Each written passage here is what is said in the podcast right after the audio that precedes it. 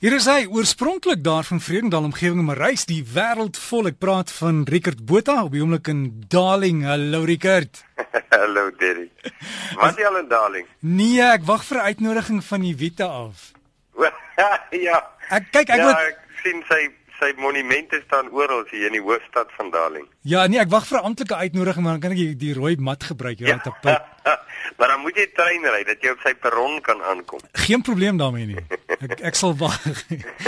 is Darling mooi? Darling is verskriklik mooi. Ehm um, um, maar jy sien gewoonlik Darling is nie op 'n hoofroete nie. Tensy jy nou Eysterfontein toe ry, jy weet van die N7 af. So dan sal jy nie sommer deur hom gaan nie. Mens moet nou half jy weet as Prins Darling toe ry om nou uit te kom, maar ehm um, ek dink wat vir my so lekker is van sulke plekke wat jy nou nooit by aandoen nie, nê, nee, is uh, jy leer die mense ken.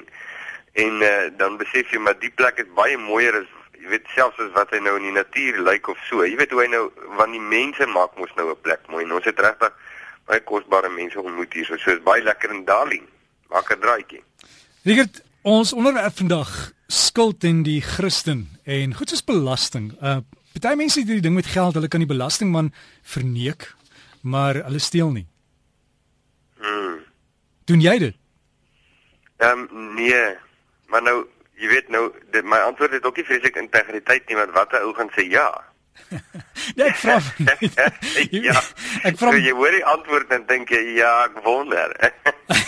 ja, ons SARS luister dalk vir jou, hoor. Ja, hulle Uh, maar jy sien hierdie is 'n is 'n lekker vraag want wat jy eintlik doen is jy konfronteer die gewete van 'n mens en 'n gewete is 'n baie interessante onderwerp uh want dit is maar jou kom ons sê maar jou alarmstelsel binne in jou hart en in jou lewe wat vir jou sê dit wat jy doen is dit reg of verkeerd? Nou mens kan 'n gewete of smoor dit is heeltemal moontlik om 'n gewete te smoor. Die Bybel praat van 'n gebrandmerkte gewete dan sy nou gesmoor jy verstaan? Dan kan jy feitelik enigiets doen en daar's nie 'n stelsel binne in jou wat sê, "Wow, nou jy's jy jy oortree, jy's verkeerd, jy moenie in hierdie rigting gaan nie." Of jy kan jou gewete uh sensitief maak, baie sensitief maak um, op die regte manier deur byvoorbeeld gehoorsaam te wees aan dit wat God sê, dan maak hy jou gewete lewend en kragtig.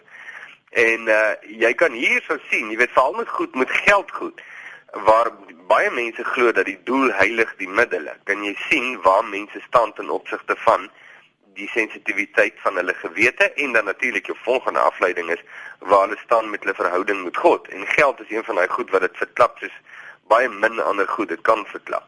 'n uh, Baie sensitiewe ding en 'n baie belangrike onderwerp vir die kerk om te hoor. Rickert en wanneer dit kom by goed so skuld. Party mense dink weet jy kan iemand geld skuld en almal weghardloop. Ehm um, dis nie dis nie eintlik jou probleem nie. Uh werk dit so as jy 'n Christen is? Nee, Nee, uit die hart van die saak nie. Jy jy sien Derek, jy sien die die geheim is eintlik verskriklik eenvoudig, nê? Nee? Christendom, ons het nou baie dit genoem? Nee? Ons kan dit maar weer sê. Christendom beteken nie jy gaan na 'n Christelike kerk toe nie. Jy weet of jy jy uh, sê die geloofsbelijdenis of so nie. Verstaan of jy onderskei jouself van ander godsdienste deur te sê ek is 'n Christen nie. Dit maak jou nie eene nie. 'n Christen of Christendom beteken jy stap in die voetspore van Jesus. Jy doen wat hy doen. Nou Jesus is die absolute definisie van God se heiligheid. So jy kan nie, jy weet jy kan nie doen net wat jy wil of deur jou emosies of gevoelens gelei word en maak soos jy smaak soos die tieners nou sê, soos jou liste en jou begeertes en drange jou nou lei waarheen dit jou nou ook al lei en dan sê jy stap in Jesus se voetspore nie. Dis nie waar nie, jy kan nie dit doen nie. En geld is een van daai goed, jy weet wat vir, vir mense amper die sleutel is tot die begeerlikhede van hulle oë. Ja, dit wat jy sien, dit wil jy hê. Jy's heeltemal deurdronge met die tydsgees waarin ons lewe van hoe meer jy het, hoe beter of hoe meer jy het, hoe meer waardevol is jy of hoe meer jy het, hoe meer suksesvol is jy of enigiets van die dinge, nê? En dan is geld die ding hoe jy dit kan koop. So Mense gee hulle heeltemal oor daaraan. Dit waar hulle voor lus is, dit koop hulle of hulle die geld het of nie. En niemand kan daai leefstyl lewe en sê hy stap in Jesus se voetspore nie. Sien, want as jy sensitief is vir Jesus, dan sal jy sien die Heilige Gees lei jou nie langs daai weg nie. En hy is geweldig verantwoordelik en heeltemal anders as ons tydgees. En dis vir baie mense 'n konflik half, jy weet, van nou is hulle tussen hulle twee geskeer. Die een ding is die Heilige Gees lei hulle weg van die kultuur van die dag. Jy weet, en dit wat op die televisie wys, en die advertensies en die the talk of the town. En aan die ander kant, jy weet, leef hulle in hierdie wêreld waar die goed half punte tel. Jy weet, so hulle is teëgeskeer. Sal hulle nou sal hulle nou punte kry hier tussen hulle peers, hulle tydgenote met met hulle besittings of hulle goederes of sal hulle, jy weet, gehoorsaam wees aan dit wat die Heilige Gees sê en dit voel vir baie mense maar dit wat die Heilige Gees sê is so abstrakt. So hulle gaan nie in daai rigting nie. En dit waar mense nou begin oor hulle ore raak met met skuld en met geldgoede en dan later kan hulle net nie meer nie. Nou begin hulle verhoudings daaronder lê. Jy sien en so het huwelik al opgebreek en dan kom mense agter maar en dan op die einde van die dag kom hulle agter hulle het nie geld nodig nie. Hulle het Jesus nodig. Hulle het verlossing nodig uit hierdie saak en dis hoe diep hy kan gaan. Dink maar wanneer dit kom by geld wat geleen is, sê net maar iemand het 'n groot verband op 'n huis. Dinge gaan swaar, die die motor moet betaal word. Dit dis asof mense dan in die kerk kom sit en alwaar hulle dink is nie geloof nie, maar is hoe gaan ek hierdie einde van die maand my huis betaal? Ja, ja, ek het nou amper gedog jy gaan ek het nou amper gedog jy gaan sê hulle kom sit in die kerk dan hoop hulle die Here gaan hulle die geld gee miskien ook. Jy weet wat dalk die ander doos is. Maar dit is heeltemal waar. Jy weet daar's daar sekere dinge waaraan mense betrokke is wat nou nie uh, regtig uh, dalk te doen het met hulle die begeerlikhede van hulle oë en hulle hulle materialisme nie. Jy weet hulle hulle kan net nie anders nie as 'n brood nodig sien maar 'n uh, huisverband en nou praat ons van niks uitspattig nie. Probeer nie 'n sosiale statement maak nie. Dis net om 'n dak te hê oor hulle koppe en dat selfs iets jy weet so baie redelik baie weet gewoon kan as gevolg van klomp ander dinge 'n geweldige spanning op hulle op hulle finansies uh, laat. Nou, weet jy wat het ek nou al gesien in sulke tipe goed? Ehm um, Derek, ons ons kan nie net alleen deur die lewe gaan nie. Ek noem dit sommer net as 'n voetnota. Jy weet, ons het regtig inspraak in ons lewens nodig. En daar's baie mense wat so sit en hulle hulle hulle gaan kerk toe want hulle wil die woord van die Here hoor en hulle wil versterk word in hulle harte en hulle gemoed en hulle lewens, maar hulle sit met al hierdie worries, nê? Nee? Hulle is sulke warriors, sulke professional warriors. Want hulle het al hierdie worries. Nou, die die groot ding is Mense het nodig eh, net 'n treetjie verder te gaan. Jy het nodig om inspraak te kry in jou lewe. En wat dit beteken is, jy het nodig om na iemand te gaan wat dalk geestelik meer volwasse is as jy. Ehm um, en vir jou kan inspraak gee en vir jou kan sê man, weet jy die regte ding in hierdie situasie is die volgende of jy het nodig om jou behoeftes bekend te maak. Jy het nodig om na ander gelowiges toe te gaan en te sê, ouens, ek is my rig teen die muur. Julle moet my of bedien met wysheid of raad of as die Here dit vir julle moontlik maak moet julle kyk hoe julle my kan help. Nou op hierdie manier, Derek, nou sonder om 'n lang storie daarvan te maak, maar op hierdie manier het baie gelowiges al uit hulle skuld gekom, nie omdat hulle geld in die hand gekry het nie, maar omdat die Here hulle met wysheid bedien het oor wat om te doen om uit die skuld te kom. En dis 'n baie kosbare ding. Jy sien, maar maar as ek my hart toesluit, want ek wil nie hê mense moet weet van die penarie waarna ek nou is nie, jy sien dan kry ek ook nie daai inspraak nie. So dan sit ek 'n front voor en daai front gaan my later byt. En uh, en dan dan sit in elk geval aan die groot klok. Jy sien dan weet almal daarvan. So doen dit verantwoordelik en volwasse van die begin af. Gaan vir inspraak, gaan vir berading. Jy weet, kyk of daar mense is wat jou kan help. Maak jou behoeftes bekend. Praat met God, praat met medegelowiges. En wie weet, jy weet dalk net gee die Here vir jou die antwoord wat jy so brood nodig het. Ja, ek het 'n storie gehoor van 'n van 'n boer, 'n ou oom wat wat regtig swaar gekry het en hy sou ook daar by die bank en by die bankbestuurder net al die assistente in die kantoor ingeroep en almal daar op hul knieë gehad dat hulle saam bid dat hierdie bank hom nie so moet verneek nie en hulle het vir hom toe 'n groter lening gegee. ja, dit gaan deur 'n geestelike manipulasie.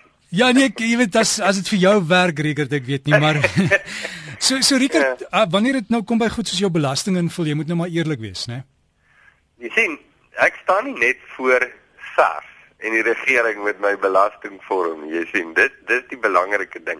Want as, as jy nou as jy nou nie respek het vir die regering nie, jy weet of jy voel hulle vat net jou geld, dan dan staan jy voor hulle en en dan heilig die doel die middele dit waarmee jy kan wegkom gaan nie meer wegkom.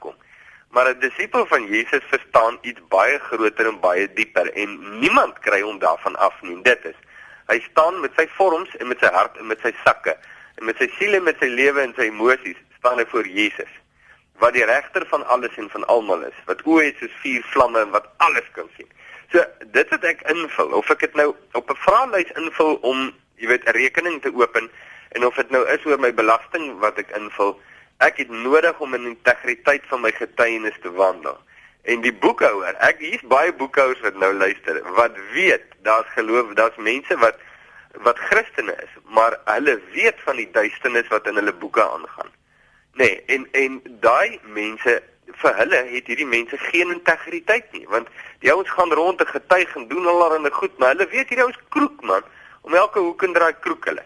So daar's geen geestelike autoriteit in getuienis nie en, en dis die sleg ding. Nou nou lê Jesus se integriteit. Die mense sê ja, nee jong, hierdie klomp, jy weet.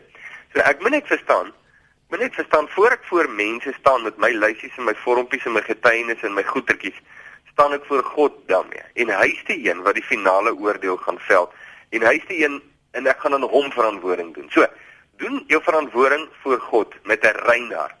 En as jy dit gedoen het, vul dan jou vorms in. Sien, en dis die belangrike ding. Ek dink baie keer vergeet 'n ou dit en jy kyk hoeveel mense kan jy rad voor die oë draai en dan voel jy heel chaff daarmee.